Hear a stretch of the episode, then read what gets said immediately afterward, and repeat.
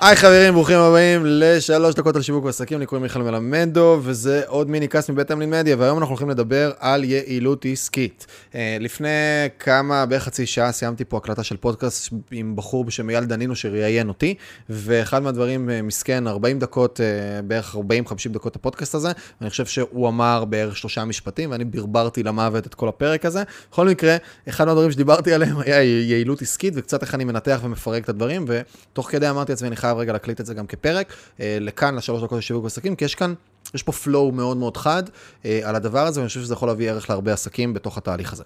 אז אה, אייל ככה שאל אותי על הדבר הזה שנקרא, כאילו, איך אני, כי גם לפני הפרק, אייל יצא לו לראות הרבה תכנים שלי והרבה דברים, והוא גם יושב עם אופק מהצוות, ואופק הראה לו קצת הלו"ז שלי וכל מיני דברים רגע על, על יעילות ודברים, והוא ממש התעניין בדבר הזה של איך אני מייעל את התהליכים. אז מה שאמרתי לו, ודרך הדבר הזה אפשר רגע לבוא ולפרק את זה, זה... שאני מחפש כל הזמן, ודיברתי על זה גם בפרקים אחרים, אבל אני הולך טיפה לפרק את זה למשהו יותר קונקרטי, אני כל הזמן מחפש את המקסימום, בסדר? את המקסימום שווי שעתי שלי בתוך כל תהליך שאני עושה. וגם, שוב, זה לא רק אני יכול בתוך התהליך הזה להיות, אלא גם כשאני מסתכל על כל מיני תהליכים אחרים בצוותים שאני בונה, בעסקים שלי וכולי.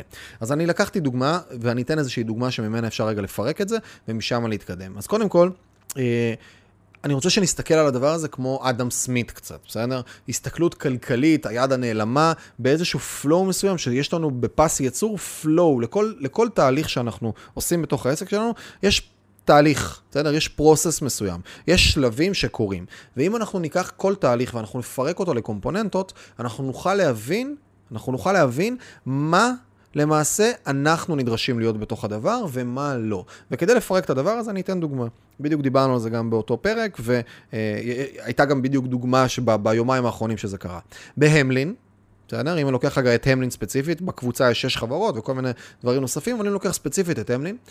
אני יודע להגיד שביחס ההמרה שלי, ובהמלין זה המקום היחיד שאני מוכר בו, בסדר? וכל החברות האחרות אני לא. אבל בהמלין אני מוכר, יחס ההמרה שלי בהמלין הוא בין 80 ל-90 אחוז, משהו באזור הזה. אני לא מודד את זה כי זה לא באמת מעניין אותי, עד הרמה הזאתי, אבל בגדול בין 80 ל-90 אחוז מהפגישות שמתקיימות אני סוגר. עכשיו, retainer בהמלין יכול להתחיל בשלוש וחצי, פלוס הקמה, פלוס התחייבות לאיזה שלושה חודשים. זה יכול להיות עסקה שעל הנייר היא, היא יכולה להיות 20 אלף שקל וצפונה, והרבה מעבר לזה גם. בתהליך, מה שקורה גם כשלקוח נכנס אלינו, הוא יכול להישאר איתנו גם שנה וחצי ושנתיים, ואז שווי עסקה כזה יכול להיות גם מעל ל-100 אלף שקל בכיף, בסדר? אז זה המספרים, ועל עסקאות כאלה, בסדרי גודל האלה, אני יודע לסגור אותם ב-80-90 אחוז. עכשיו, למה זה קורה? ואני אסביר רגע איך התהליך בנוי, ואז מהדבר הזה גם נבין את היעילות העסקית שלי, וגם למה אני משאיר את המכירות אצלי. כי רגע, כאילו, יכול להיות שאני כבר בסקייל מספיק של יאללה, תשחרר את זה ממני ולהעביר את זה למישהו אחר, ואני אסביר למה אני לא עושה את זה. אז כדי להבין רגע את התהליך, התהליך הזה מהונדס. כשבן אדם מגיע אליי לפגישה, קורה משהו בדרך. אחד, הרבה מהאנשים שמגיעים אליי לפגישה הם אנשים שהגיעו או מהמלצה ספציפית, או דרך התוכן שאנחנו מייצרים. עכשיו, אם אתם, אחד מהמאזינים עכשיו או מהצופים, בא ולא יודע, ראה כמה שעות שלי, או אפילו לא כמה שעות, אבל התעמק באחד מהתכנים שלי, הרמת... בסדר? trust, הרמת אמון שיש של כל פנייה שמגיעה להמלין, היא כבר פנייה באיכות גבוהה. אז זה הדבר הראשון. אני מבין שעל מנת לייעל את התהליך, אני רוצה לייצר qualified lead בהתחלה, כי אחרת אני אבזבז זמן. זה דבר ראשון. דבר שני, שימו לב, גם עכשיו בסרטון הזה, סיפרתי לכם כמה עולה לעבוד עם אמלין בין השורות על הדרך, כדי להסביר לכם את השווי עסקה. מי ששמע את זה כרגע, יודע האם הוא נמצא בקהל היעד או לא נמצא בקהל היעד לדבר הזה, וגם אם הוא חושב שהוא לא נמצא, אבל הוא כן רוצה להיכנס לקהל היעד ולשלם את הסכומים, הוא פחות או יותר מבין למה הוא מגיע. אין פה איזשהו דרופ מסוים, אין פה איזושהי הפתעה מסוימת בתוך התהליך. אז לאורך כל התכנים של אמלין, הרבה פעמים אתם תשמעו, כן, אמלין עובדת בדרך כלל עם עסקים שהם בין 3 ל-50 מיליון שקלים מחזור שנתי, ואנחנו מדברים על תקציבי פרסום שהם 20 אלף שקלים צפון על הרוב, אבל 10,000, 8,000 זה האזור ההתחלתי שאפשר פחות או יותר לדבר, שאתם צריכים להגיע איתו. אני בא ונותן את הסינונים האלה, ואז מה שקורה בתוך התהליך זה כבר מביא לי פניות שהן הרבה יותר איכותיות. ואז מה קורה? בן אדם משאיר פנייה. מי עושה את השיחה הראשונה? לא אני. לעולם אני לא עושה את השיחה הראשונה. שיחה הראשונה תתבצע על ידי מישהו אחר, בתוך הצוות, שעושה שיחה איכותית וטובה, שבה הוא שואל שאלות, והוא מתאם ציפיות.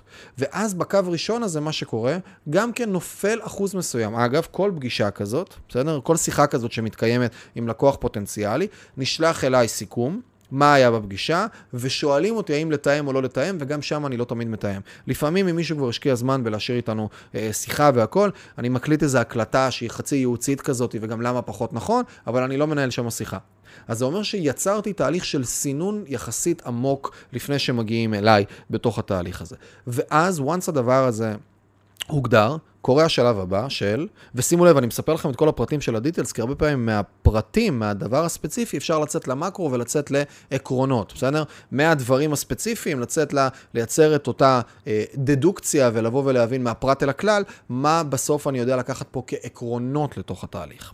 אז השלב הבא כבר יהיה תיאום פגישה איתי בזום. הפגישה לא תהיה פרונטלית. למה היא לא תהיה פרונטלית? ב-95% מהפעמים. למה? כי אחד, אני רוצה, אני לא יוצא מהמשרד לפגישות חיצוניות.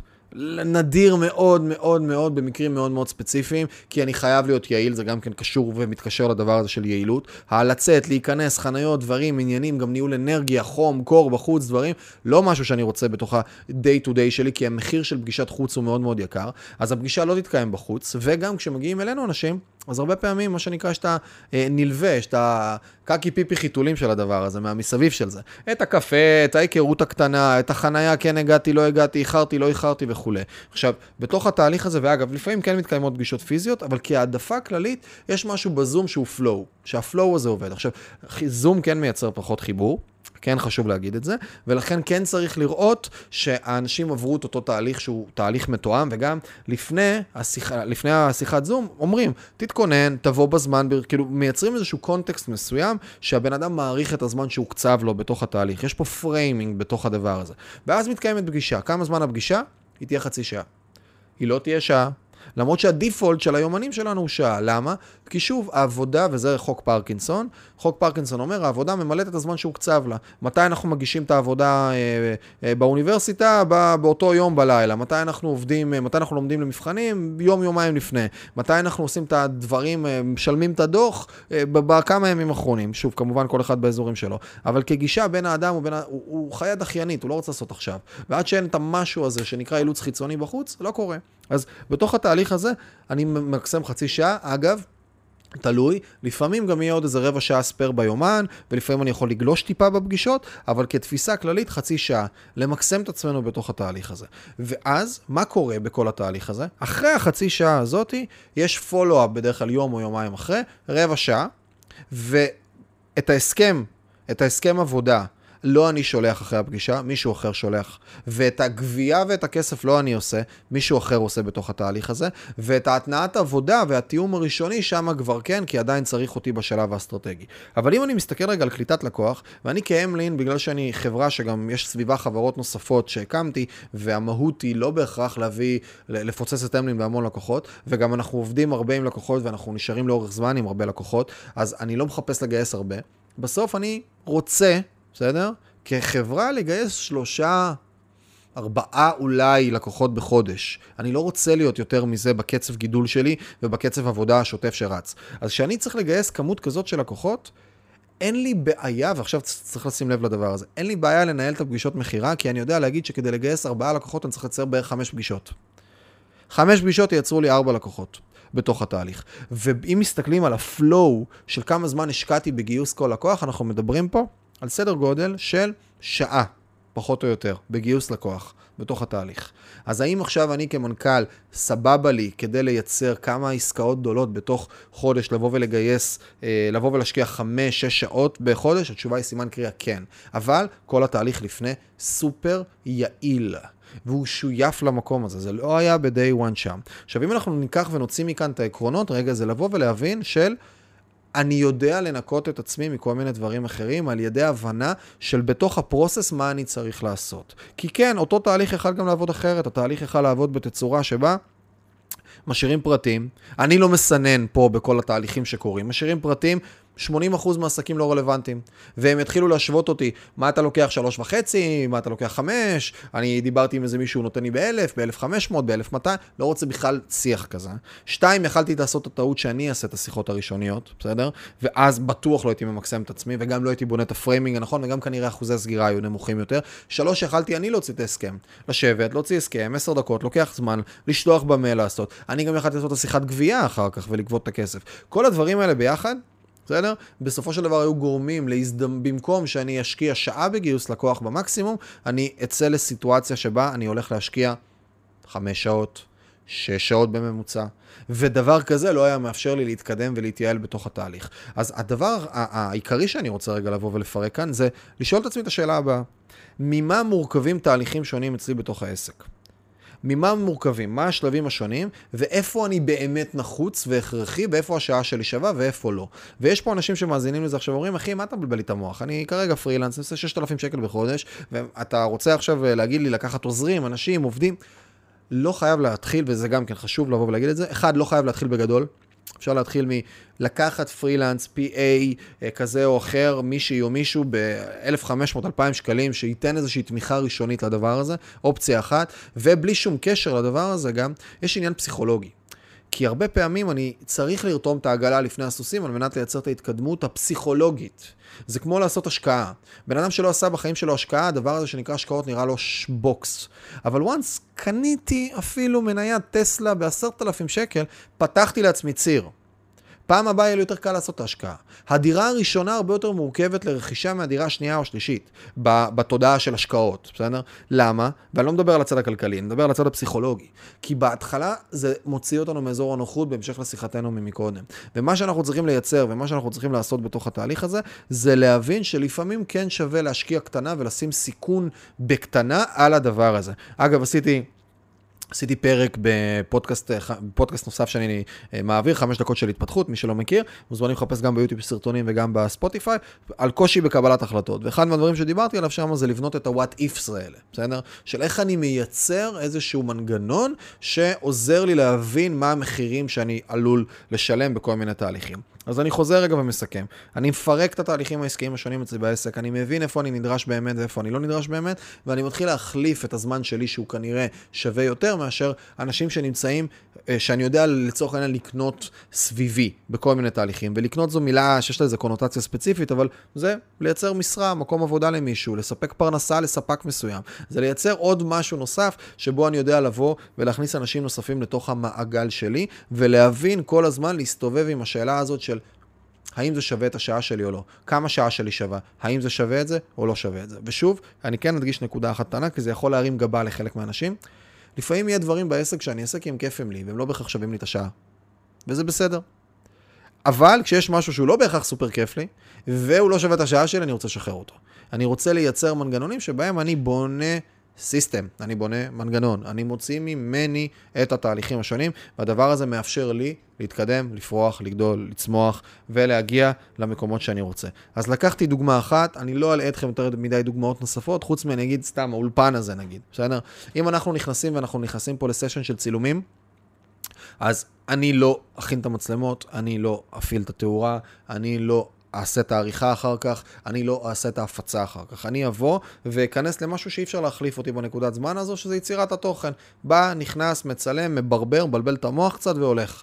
והדבר הזה מאפשר גם לי להיות יעיל. והרבה אנשים שואלים אותי, בוא איך אתה כל כך הרבה תוכן? פוד, שלושה פודקאסטים, סרטונים, דברים, עניינים, מיני קורסים, עניינים. היכולת שלי לייצר את התוכן הזה מגיעה ממקום אחד, שאני פשוט יעיל בזה. כי אני בסוף אופרייטור של עסקים. יש בסוף עסקים שאני קם בבוקר ואני צריך לתפעל אותם על כל המשמעויות של הדבר. אני לא, אני לא כרגע content creator, זה לא התפקיד שלי, זה לא הווייתי. ולכן כשאני יוצר תוכן הוא חייב להיות סופר יעיל. אני חייב בסוף להשקיע, לא יודע, אני משקיע נגיד בחודש, אני מניח סדר גודל של 15 שעות אולי ביצירת תוכן, פחות אולי 12, 15, אולי 20, בסדרי גודל האלה פחות או יותר, ואני חייב שכל שעה תהיה סופר מדויקת. ואם השקעתי 20 שעות ביצירת תוכן בחודש, אז מה-20 שעות האלה יופקו 16 שעות סרטון, 16 שעות הקלטה. זה היחס. זה היחס, וזה מייצר את היעילות. למה? כי אני לא מתעסק במסביב. אם הייתי נדרש להתעסק במסביב, זה היה מייצר לי סיטואציה שבה לא הייתי יכול לעשות את זה. אז אני חייב כל הזמן להסתכל על היעילות הזאת, וזה מה שמאפשר לי את הצמיחה ואת ההתקדמות קדימה בתוך אותו תהליך. זהו חברים, מקווה שקיבלתם ערך, ואם יש לכם עסק עם תקציבי פרסום של 10 צפונה, סדרי גודל של 20 אה, ומעלה, זה אפילו עוד יותר נהדר, ובא לכם לבחון איזושהי עבודה איתנו, בניהול קמפיינים שלכם, בעזרה בתהליכים השיווקיים שלכם בתוך העסק, אז בחום ובאהבה אתם מוכנים ומוזמנים לחפש אמלין מדיה בגוגל, אה, להגיע אלינו לאתר, או כאן אם אתם ביוטיוב לחפש את הלינק, ללחוץ עליו, אה, לקרוא קצת פרטים, לראות אם אנחנו מתאימים לכם, אם יש תדר שבא לכם לבחון עבודה איתנו, אה, להשאיר פרטים. ותעברו את התהליך שדיברנו עליו, כן? לא לעשות פה סתם modeling, כן? כי זה סתם מבזבז לנו זמן, אבל תבואו בכיף מי שבאמת רוצה להיות לקוח. זהו חברים, נתראה בסרטונים ובמיניקאסטים הבאים.